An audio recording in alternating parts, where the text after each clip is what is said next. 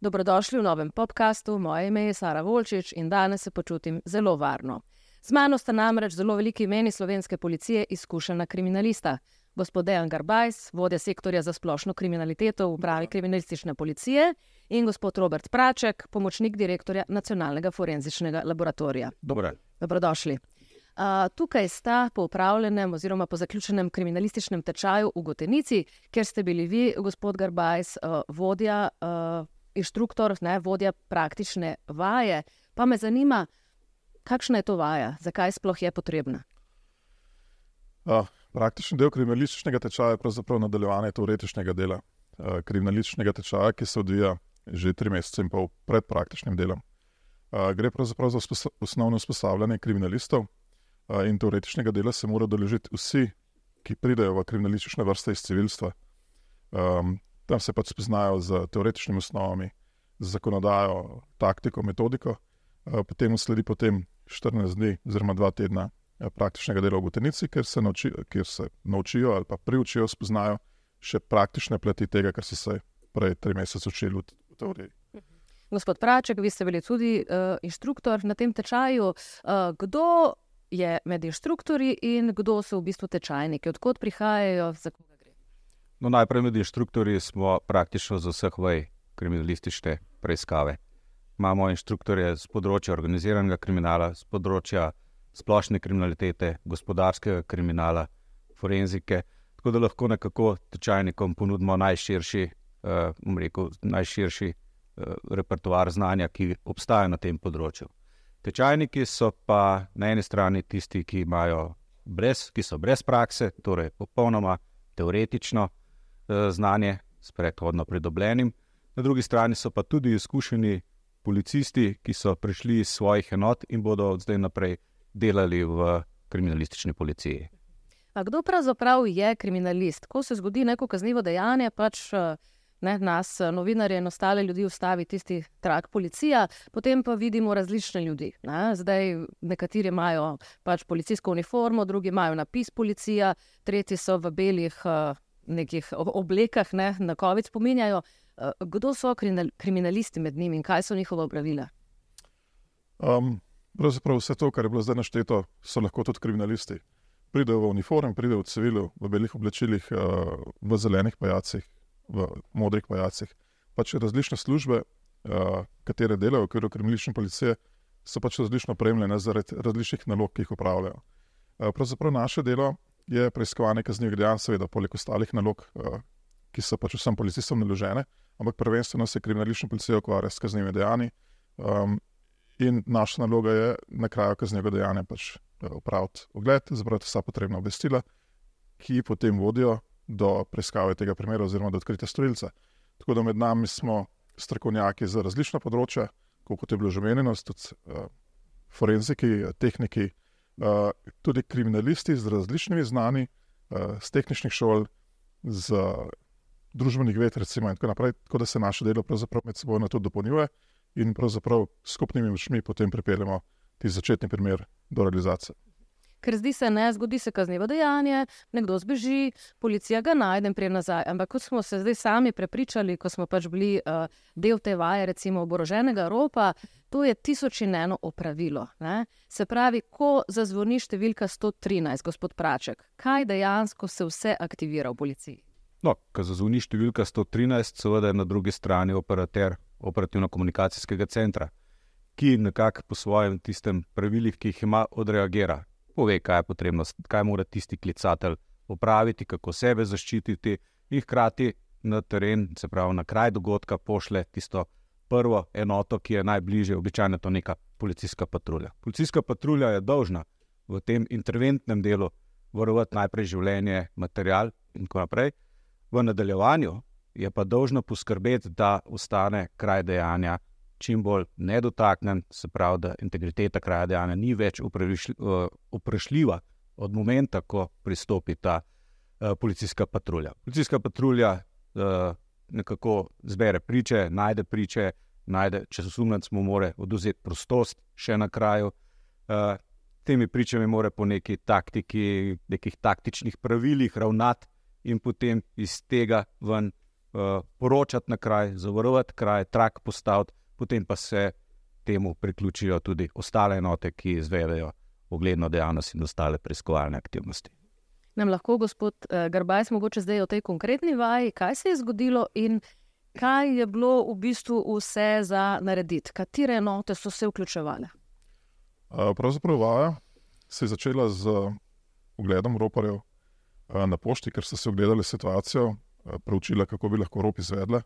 Obstajajo tudi zanimive kakšne nevarnosti oziroma prepreke, ki bi jim lahko to preprečile. V nadaljevanju so se potem pripravili na rop izvedle, pobegnile z kraja in potem so pač temu seveda sledile opravila policije, ki jih pač policija izvaja zato, da se storilce odkrije in potem uspešno prime. Seveda, roparje so vmes se temu izogibali, sta bežala, zamenjala vozilo. Glavno, vaja poteka na način, oziroma v vaji so združene, združeni elementi na ta način, da pravzaprav kolegi, ki vajo upravljajo, morajo imeti širši spektr znanja, ne samo ugled tam na kraju, ampak širši spektr znanja, vključiti tudi ostale kolege, sodelavce, druge linije dela da pravzaprav lahko sledijo aktivnostim storilcem v tej meri, da zberejo dovolj dokazov oziroma dokazil zoper vas storilca in da jih pač na koncu odkrijejo, primajo in izvedejo potem še dodatno pravila, ko sta seveda storilca že prejeta. Mene je predvsem rekla, fasciniralo, oziroma res si nisem predstavljala, kako dejansko je treba več stvari hkrati aktivirati. Ne? Se pravi, uh, nekdo more pošiljati, tu smo imeli tudi v bistvu enoto s psom ne, za, za sledenje tulcem. Kaj vse ste vi vključili v to vajo, gospod Praček? No, če se vrnemo nazaj na osnovo, kar je že kolega Dajan povedal. Ne. Mi smo že prej cel teden trenirali počasi taktična in kriminalistična tehnična uh, znanja, da so lahko to v soboto tečajniki pri tej vaji uporabili. In seveda, pri taki vaji smo najprej ugotovili, da potrebujemo na kraju patruljo, ki se mora znati primerno eh, odzvati, eh, orientirati v prostoru in času. V tem nadaljevanju je ogledna dejavnost. Ogledna dejavnost sama po sebi potrebuje zunanjo pomoč, kot je bil konkretno uh, službeni psi za iskanje tulcev. Imeli smo zdravnika sodne medicine za pregled trupel, imeli smo enoto, ki je bila določena za uh, prijetje storilcev, imeli smo blokadne točke z policijskimi patruljami, torej celoten repertoar, ki lahko. Ki pride prav praktično v vsakem kaznivem dejanju. Rop je res ena taka dobra vaja, ker poskrbi za celoten repertoar znanj. Imeli smo uh, fotorobota, imeli smo poligraf, uh, se pravi, vse tisto, kar, pri, kar pride v preiskavi. Prav. Sicer smo dali v eno v en dan to, ampak je šlo to skozi, zato ker je bilo predhodno cel teden že pripravljeno. Uh, rekli ste vaja, ne? ampak ta vaja v bistvu vsebuje vse, kar nabirate z leti v izkušnjah. Ne? Koliko vi ste vodja uh, sektorja za splošno kriminaliteto, ne? tu so tudi premoženska kazniva dejanja, rop je eno izmed njih. Kakšno je stanje na tem področju, koliko je bilo ropov, recimo lani? Uh, Začne najprej povem, koliko je bilo kaznivih dejanj. Uh, pred leti, da ima reči deset let, pa nekaj več nazaj, je bilo kaznivih dejanj preko 100 tisoč. Uh, to so pač dejanja, ki jih je evidentirala policija. V času pred COVID-om je bilo teh kaznivih dejanj 55 tisoč, v lanskem letu pa nekaj manj kot 50 tisoč, oziroma dobrih 49 tisoč. Uh, zdaj, pretekli dve leti, hm, nekako ne moramo šteti v to neko kontinuirano statistiko, ker so omejevalni ukrepi uh, povzročili tudi odklone v statistiki. Uh, Drugač pa od teh da ima reč 50 tisoč kaznivih dejanj, je približno 85% kaznivih dejanj z področja splošne kriminalitete. To je um, del kriminalitete, ki jo pokriva uh, sektor za splošno kriminaliteto in pa seveda kriminalisti, ki se ukvarjajo uh, s preiskovanjem to vrste kriminalitete. Uh, premoženskih kaznivih dejanj, uh, o katerih so pa zdaj govorila, uh, je pa širši spekter Evropov, recimo v lanskem letu dobrih 140. Uh, in Evropi pravzaprav zdaj kot sem rekel, eh, dopade statistika, tudi število ropov upada. In število ropov se v letu 2022 ni povečalo, glede na leto poprej. Uh, tako da zaenkrat nam kar dobro kaže. Pa vendar ne, je to eno izmed najbolj nasilnih kaznivih dejanj, tudi najbolj nevarnih, sploh če je tako, kot je bilo zdaj v Gotovnici, uh, če so storilci na begu, kar ponavadi tudi so. Ne. Vi ste bili poleg uh, pri SKB, ropo, oziroma ste preiskovali to, je ta zadeva zaključena. Uh, no, ko se je preiskoval Evropa SKB, sem bil še vodil oddelka za premoženjsko kriminaliteto in v okviru našega oddelka je bila pač organizirana delovna skupina, ki je vključevala tudi um, kriminaliste iz policijskih uprav. Uh, zdaj, Rop je bil um, uspešno preiskan. Um, prijeta sta bila dva storilca in sicer eden uh, od teh, ki je zaprt, je bil storilec Evropa, drugi je pač uh, pripomogel k temu, da je do kaznega dejanja pravzaprav sploh prišlo. Iščemo še enega storilca, ki je na begu, za njim je zdana mednarodna tiralica. Uh, imamo pa še nekaj sledi, uh, na podlagi katerih še ni narejena pozitivna identifikacija, ker pač nimamo primerjalnega materiala, ampak vseeno, delamo naprej, če pride kakšne nove informacije, te informacije vedno preverimo, tako da veliko težimo k temu, da bi še druga dva strelca odkrili. Se pravi, policija ne zaključi primera, dokler primer ni zaključen. V bistvu ne. ne? Gospod Praček, tu smo pri sledih. Ne? Zdaj pa povejte mi, tu je bilo v gotovnici videti in verjetno je v resničnosti tudi tako. Uh, konec koncev se danes uh, sodbe padajo ravno na, na tem pomembnem segmentu. Ne? Ni dovolj, da ujameš storilca, ni dovolj, da ga dobiš tudi pri, na kraju zločina, da zasežeš, ne vem, mamila, karkoli, uh, dokazi so tisti, ki štejejo ne? in zakonitost teh dokazov, oziroma način pridobitve, tu imate težko delo in verjetno je to tista osnova, pri kateri začnete, ne? pri kriminalistih. Tako je. Najprej treba naučiti uh, vsakega kriminalista, da vsak kontakt pušča sled. To je prvi zakon. Treba je zdaj najti samo način, kako to sled najdete. Jo primerno, mi rečemo v našem žargonu, fiksirati, ne, se pravi, zavarovati, jo nekako dokumentirati, uh, in potem to sled primerno naprej obdelati do kriminalistično-tehnične forenzične obdelave, ki se dogaja v nacionalnem forenzičnem laboratoriju. Kaj je zdaj tukaj naše osnovno delo? Se pravi, že prvi ukrepi na kraju, ki so, so nekako tečejo usporedno s tem, da policisti to delajo v mislih, da bodo tam dokazi. Torej, ko rešujejo življenje, ko rešujejo materialni svet, imajo vse čas v mislih, da morajo tudi na dokaze razmišljati. In tisti dokazi zdaj ostanejo tam po teh prvih ukrepih. Sedaj prijo pa ugledna dejavnost, ne, ki pa mora te dokaze primerno tudi kasneje dokumentirati in predstaviti na sodišču. Te, to je zdaj postala, bom rekel, že nekaj let je na sodiščih ena glavnih debat med odvetniki, med forenzičnim svetom, med kriminalističnimi tehniki, rečemo temu strokovno, uh, chain of custody, torej skrbniška veriga dokaza. In ta ne sme biti v nobenem primeru nikoli kompromitirana. Eh, mogoče dve besedi o vašem eh, forenzičnem laboratoriju. Uh, s preiskavami DNK, recimo, je bila, mislim, da to lansko leto, ugotovljena identiteta 284 osumljencem kaznjivih dejanj, ne? potem izmenjava profilov z drugimi državami, v tujih zbirkah, recimo, ste identificirali 58 storilcev kaznjivih dejanj, potem je bilo uh, prstnih odtisov identificiranih 98 prstnih sledi, skratka, uh, pa 997 identificiranih sledi na ogledih krajev kaznjivih dejanj. Dejansko je to uh, v bistvu laboratorij, ki zelo močno deluje. Povejte mi, vi ste se akreditirali ponovno. Kak, kako kam je upet ta laboratorij. Vi, veste, vi do, mi dosti krat slišimo na sodiščih, ja, imamo to sled, imamo to, ampak je treba to še kje drugje pogledati. Ne? Pa povejte nam, recimo, ali je to res potrebno, oziroma ne? kje stoji nacionalni forenzični laboratorij.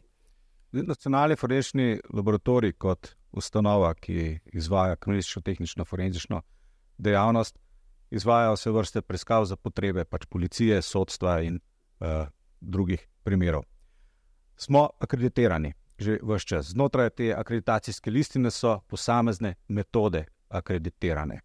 Uh, in to vzdržujemo na 15 mesecev, imamo nadzor zunanje inštitucije, to je slovenska akreditacija, potem imamo medlaboratorijske teste uh, z drugimi laboratoriji po Evropi, kar v bistvu daje nek rezultat, kjer se tudi skozi ta rezultat vidi našo usposobljenost.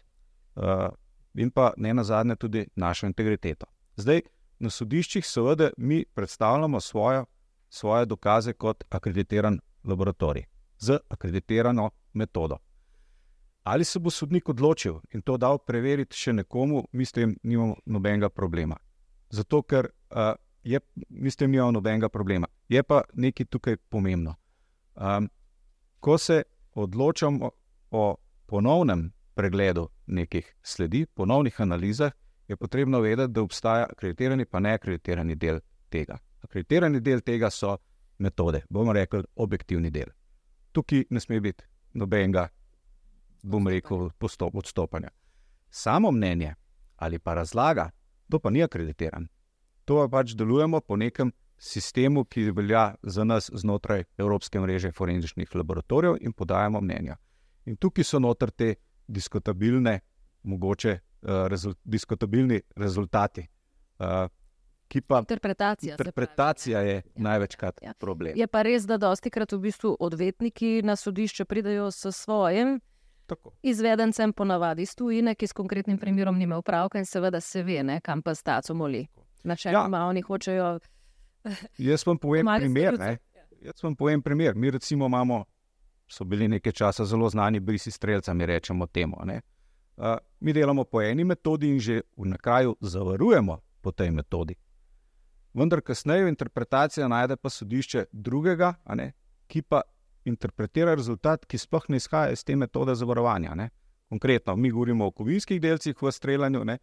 kolega, ki pa je interpretator nečesa, ne, govori pa o nitratih, ki nima veze eno z drugim. In potem, seveda, pa prihaja do uh, medsebojnih neusklajenih mnen.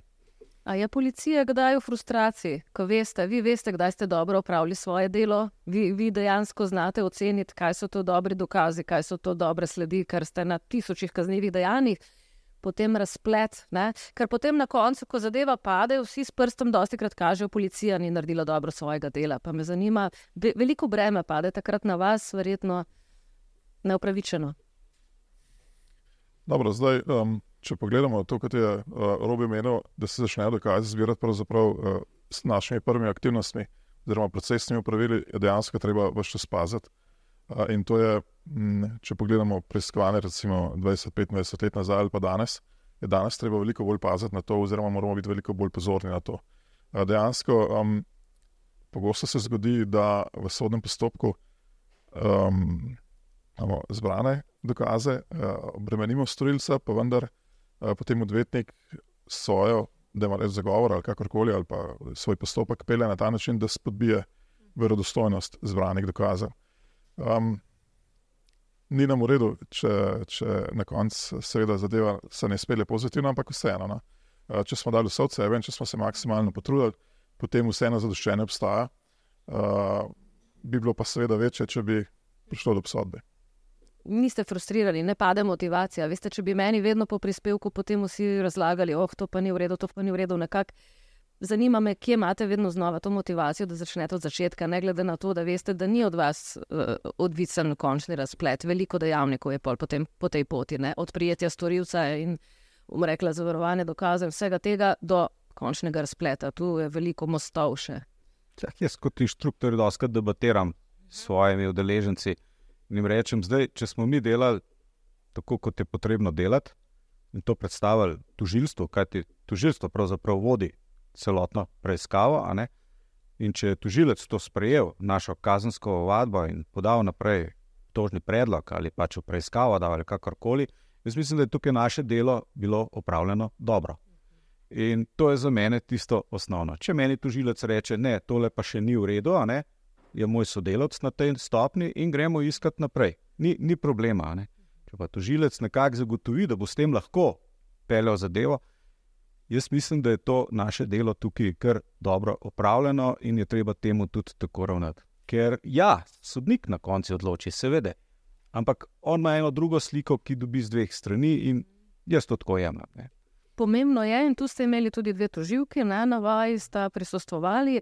Verjetno je ravno ključ v tem sodelovanju. Vi ste tudi rekli, da učite tečajnike to, da eden ne bo naredil nič, pa če je še tako dober, bister, sposoben. Pač tu je ključno to, to informacijo. Sem tudi jaz videla na terenu. Res, če en ne pove naprej, če si dva ne poveste, je lahko zadeva cela pade. Se pravi, to sodelovanje, kar gre mal na vzkriž z današnjim načinom življenja, ne? ker je pač družba individualistična, se pravi, policija mora res delati kot ena velika družina, ne? se pravi, da, da, da, da zadeve grejo v pravo smer.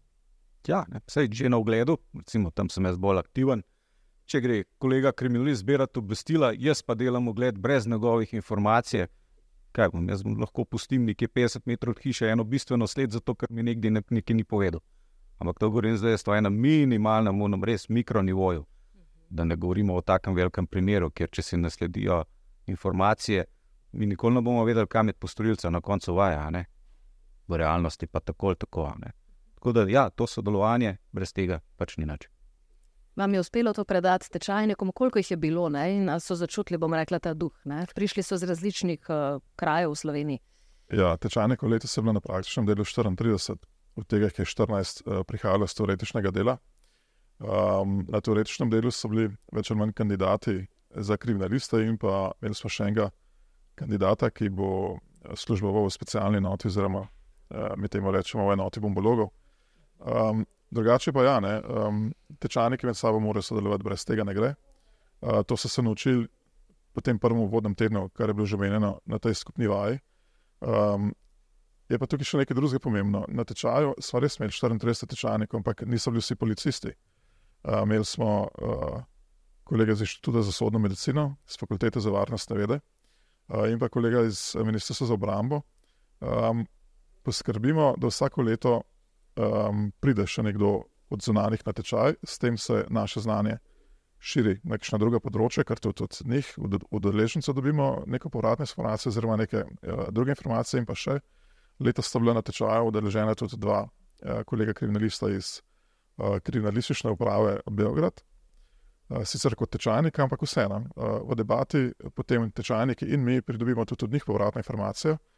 Um, čeprav namen je bolj bil, da se oni odeležite tečaja in da pravzaprav od nas pridobite znanje, uh, se pa s tem navežejo tudi medsebojni stiki, ki so potem potrebni pri operativnem delu.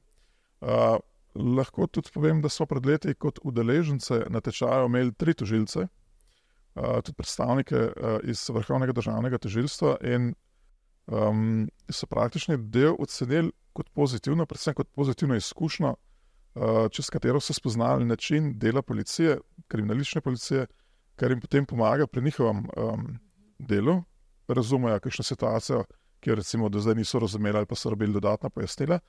Hkrati pa tudi mi od njih pridobimo informacije in vemo, kaj oni od nas pričakujejo, da mi določene stvari lahko vnaprej pripravimo, oziroma pazimo na to, da um, pač eh, dokumentacijo in vse material, ki ga pripravimo, gre potem njim uh, v prid, tako da lažje postopek pelje naprej. Umenili ste kolega iz Srbije, ne? zdaj pa uh, kako je ravno na področju ropov, ne, to je tudi lahko organiziran kriminal. Ne? Ni nujno, da so vsi ropari vedno slovenski. Oziroma, povejte mi malo, koliko je na terenu m, teh kriminalnih mednarodnih združb, ne? in v tem primeru je pa sodelovanje mednarodno, v bistvu ne moreš brez njega. Ja, pravzaprav Slovenija je majhna država. Eh, zdaj, z ene strani Slovenija, z druge strani je dobrih dve ure vožnje, oziroma 300 km. Um, že v preteklosti, ko Slovenija ni bila del Evropske unije ali pa uh, del Schengna, je bila Slovenija pomembna pri transportu vozil, recimo iz Zahodne Evrope v Vzhodno Evropo ali pa obratno so se po isti poti uh, prevažali prepovedane droge. Zdaj, ko je pa Evropa odprta in ker je Slovenija del te odprte Evrope, je problem isti. Um, razen da pač ni več ovire na meji, stvari se še bolj prosto prehajajo um, državne meje. Uh, res je, da iz območja uh, vzhodne Evrope, pa tudi iz območja bivših republik uh, Jugoslavije, v Slovenijo ali pa preko Slovenije naprej v Evropo prihajajo tudi organizirane združbe storilcev, tudi z področja uh, premoženjske kriminalitete. To so lahko ulomilci, ropari, uh, del jih pač uh, pri nas je stacioniranih, izvršuje kaznivo dejanje drugot po Evropi. Uh, del jih potuje čez Slovenijo, nekaj pa tudi pri nas izvrši kaznivo dejanje. Zdaj, um, združbe, ki se pojavljajo, recimo, vem, pred leti smo imeli polsko združbo, ki je uh, uh, ulamljala v trgovske poslovne centre in je bila pač to združba približno 15 do 20 storilcev, evidentirana že tudi drugot po Evropi in ko so se v Sloveniji pojavili, so se začeli povečevati uh, ulomi v trgovske poslovne centre, ker so tojevali tehnično robo in take, da ima reč bolj vredne stvari. In se jih potem po DHL-u pošiljali v matično vas, kjer se je potem to prodajalo naprej. Um, ampak te storilce so pri nas bili en teden, deset dni in so se potem preselili v eno drugo mesto v Evropski uniji, kjer so svoje dejanje pravzaprav nadaljevali. S tem so onemogočili majhen policiji delo, seveda, ker so se umaknili. Um, na našo srečo smo uspeli tam nekje po tem prvem tednu uh, skupino toliko lucera, da smo tudi iz tujine uh, lahko dobili vs, pač podatke, ki smo jih uporabili za prejetje, pa nas so bili potem uh, del te skupine, pa nas uh, so bili prejeti in se skaznijo dejanje, pa nas prenehala. Uh, drugač pa to je značilnost organiziranih združb, storilcev premoženskih kaznivih dejanj iz vzhodne Evrope, ki delujejo v zahodni Evropi. Pač tak je trend. Gospod Praček, uh, mi gledamo po televiziji, ne, človek se lahko danes kar dobro izobrazi. Ne, če bi recimo hotel izvršiti neko kaznivo dejanje, vi ste mi rekli v Gotenici, da popolnega zločina ni. Se pravi, da zločinci, kriminalci, izvrševalci kaznivih dejanj vedno postijo neke sledi.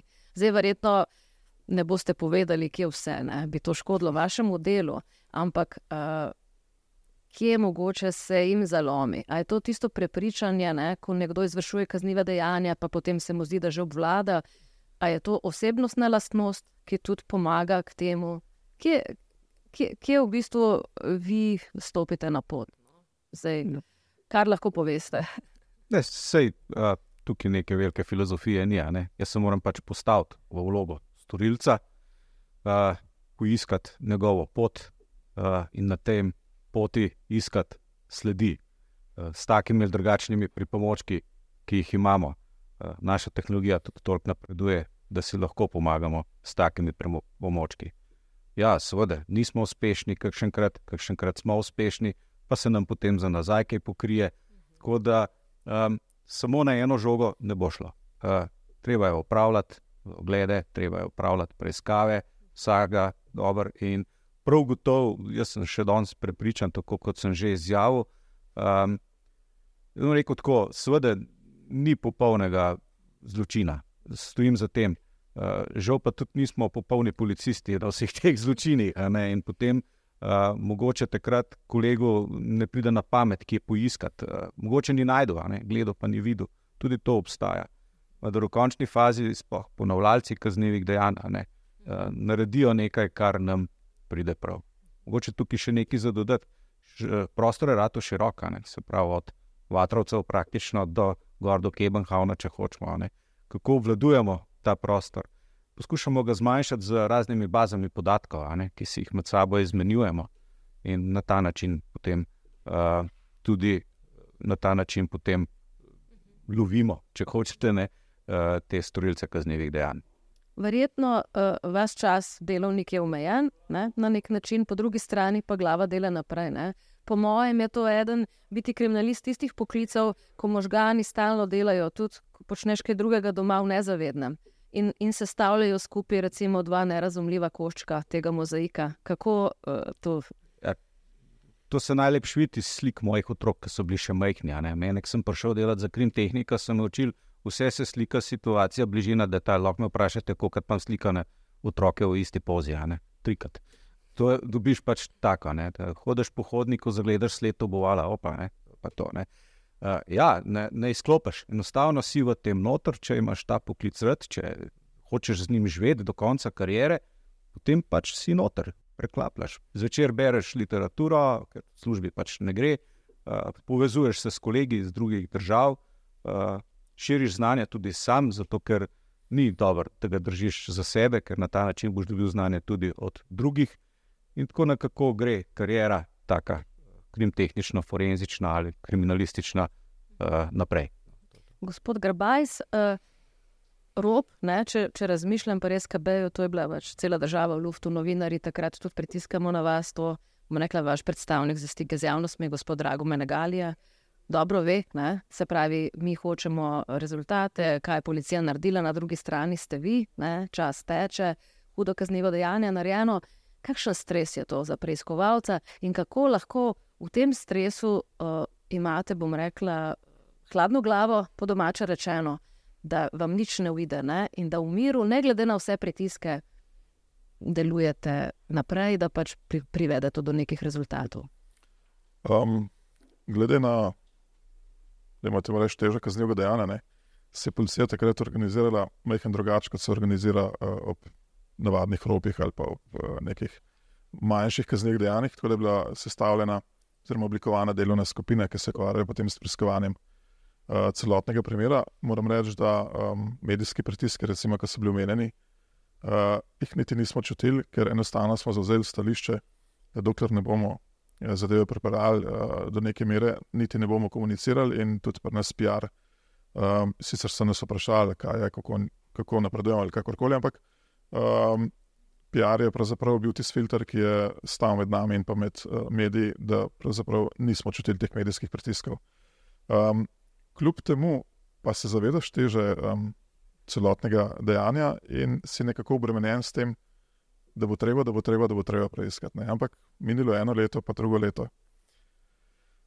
Že pri nas uh, niso vsi več verjeli, da se bo to uspešno razpletlo, ampak uh, z ustrajnostjo članov delovne skupine je prišlo do tega, da smo po šestih letih potrdili, kdo je storilec, in potem se je zadeva začela bolj enostavno uh, razvijati. Uh, prišlo je do retacije in pač uspešno potem do, do prevedbe in uh, postopka na sodišču in obsodbe teh dveh storilcev, ki sta za zapahe. Se pravi, ena značilnost, ki jo mora imeti vsak dober kriminalist, je potrpežljivost in ustrajnost, oziroma to sta dve. Ne? Kaj še more biti del osebnosti kriminalista, gospod Praček? poleg potrpežljivosti in ustrajnosti. No, začel bi pri integriteti te osebe, a ne tukaj sploh, da je tudi tle naprej, ker okay. do, do tukaj se sploh ne pogovarjamo. Ne. Firčen mora biti, se pravi, po domač povedan, mora ga zanimati vse, s tem svojim fircem nadgrajuje vedenje o tej zadevi in gradi naprej. In to mora deliti s pravimi osebami, za katere vedemo, lahko pomagajo pri tej preiskavi, in tako se pač uh, naprej dela. Ja, tudi konspirativnost, če hočete, je v določenem trenutku potrebna. Uh, ker če se širijo informacije na nepravih mestih, ni v redu. Ne?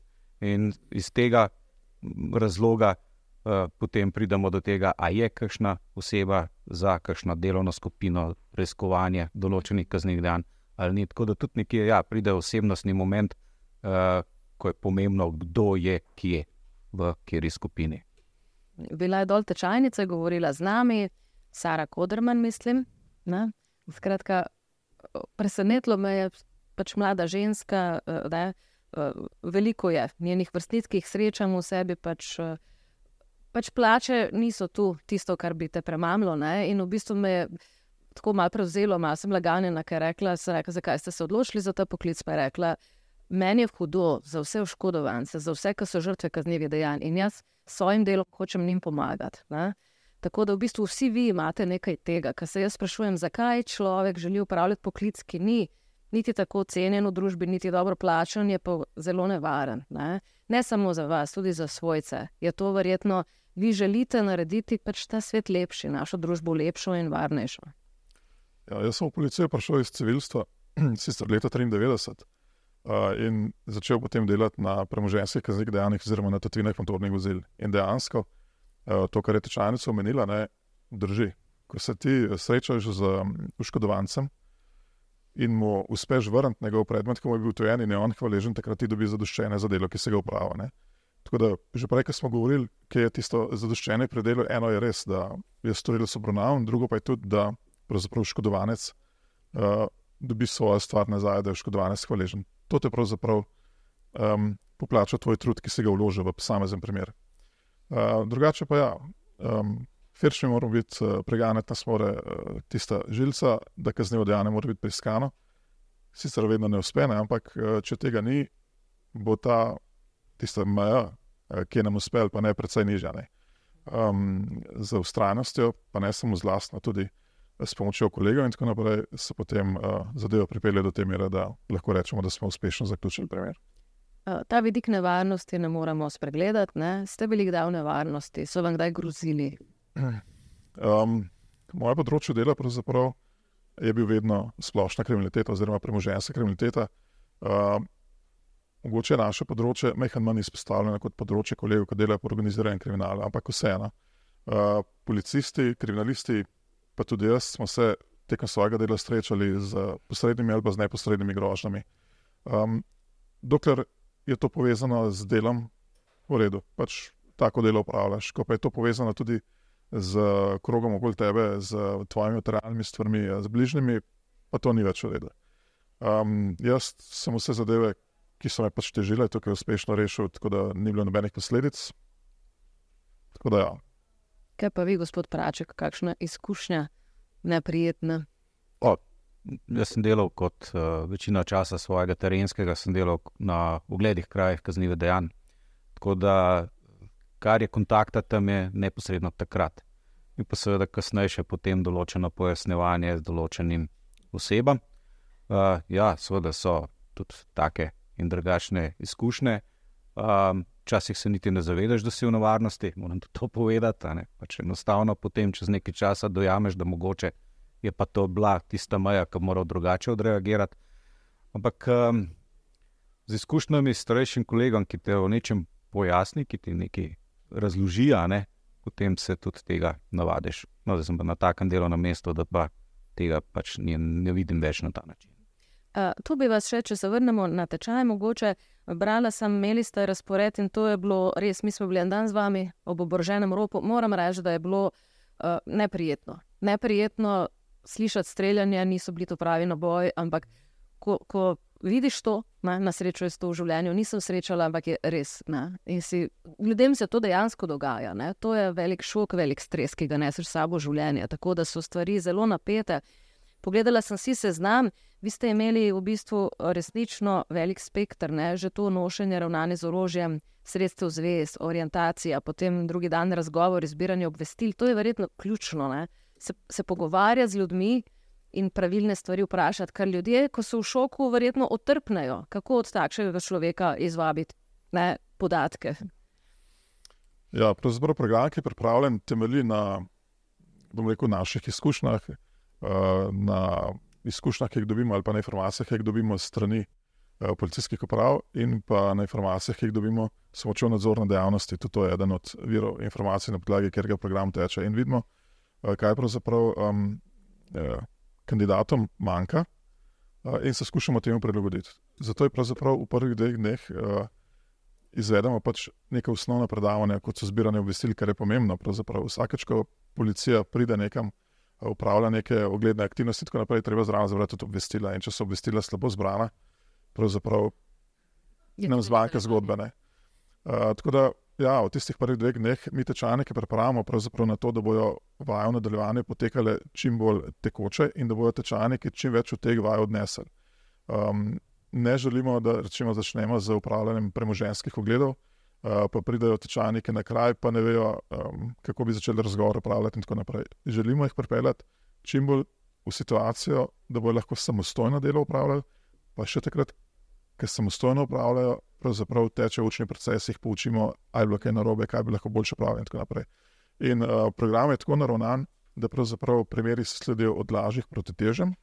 Um, pokrivamo tako splošno kriminaliteto, organizirano kot gospodarsko kriminaliteto, in v sklopu vseh teh primerov, ki so, skrbimo tudi za to, da tečajniki znajo zavarovati elektronske medije naprave.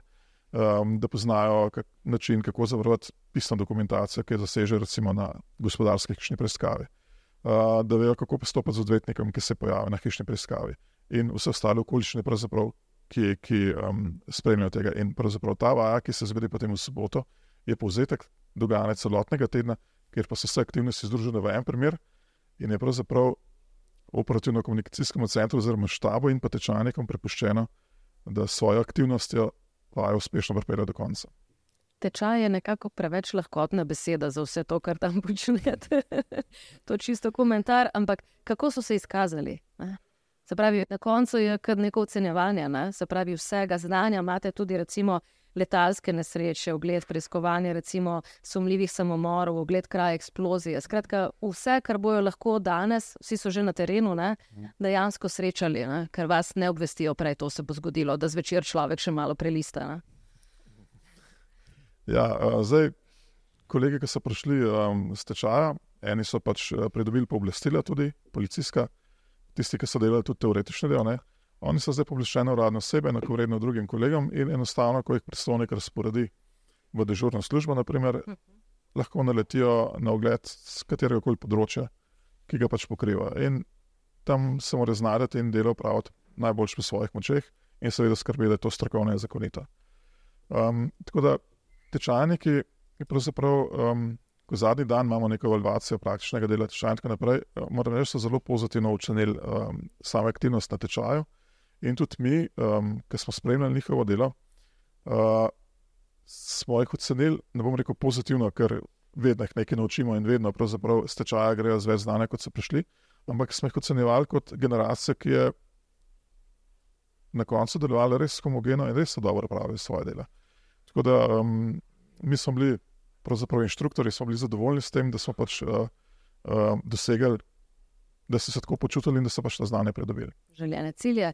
Uh, kako je bilo pa z dokazi? Povedali so mi, da v, v resnici tu je mogoče malo razlika. Ne? Verjetno uh, storilci v resničnosti ne puščajo toliko dokazov, da je vaše delo veliko bolj zahtevno. Ne? Ampak s tem ste jih verjetno upozorili, kaj vse se lahko zgodi. Kar šlamparije so pa možne ne? med nekim begom. Um, v bistvu mi jih moramo naučiti, da obstaja dokaz tam. Se pravi, neka materialna sled obstaja tam, treba jo najti in treba jo primerno sprocesirati. To je zdaj naše osnovno delo. Zavedanje o tem, da tam to obstaja, da, da bojo morali s tem pravilno ravnati, in pravilno pojasniti tudi kasneje v kazenski uvadbi, ker ni samo ta del, uh, kaj mi najdemo tam. Treba primerno uplemeniti z besedami. Ne? Se pravi, če ne bo zbiral obvestil dobro, ne mu ta sled obovala prav nič ne pomeni. In to kombinacijo smo nekako poskušali vedeti.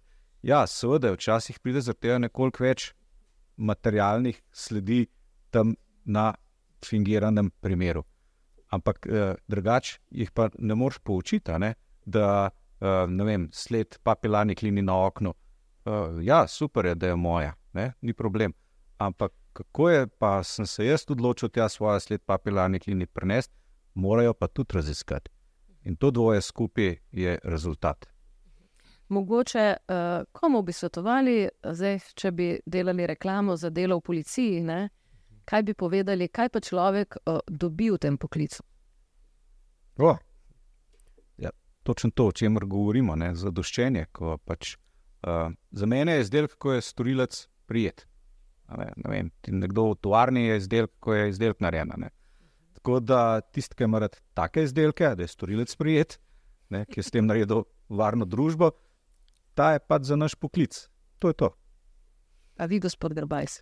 No, poleg tega, kar sem že prej omenil, ne, ko vidim zadovoljen oškodovance, ki se mu lahko vrne predmet, to je tudi posebej zadovoljstvo. In meni je bilo veliko zadovoljstvo imeti vaju za gosta. Uh, tako da hvala lepa za vse vaše uh, informacije in tudi, da delate našo družbo bolj varno in naše življenje bolj mirno. Hvala lepa. Hvala vam, gledalci in poslušalci, pa hvala lepa. Nasvidenje. Tudi, tudi, tudi, tudi, tudi, tudi.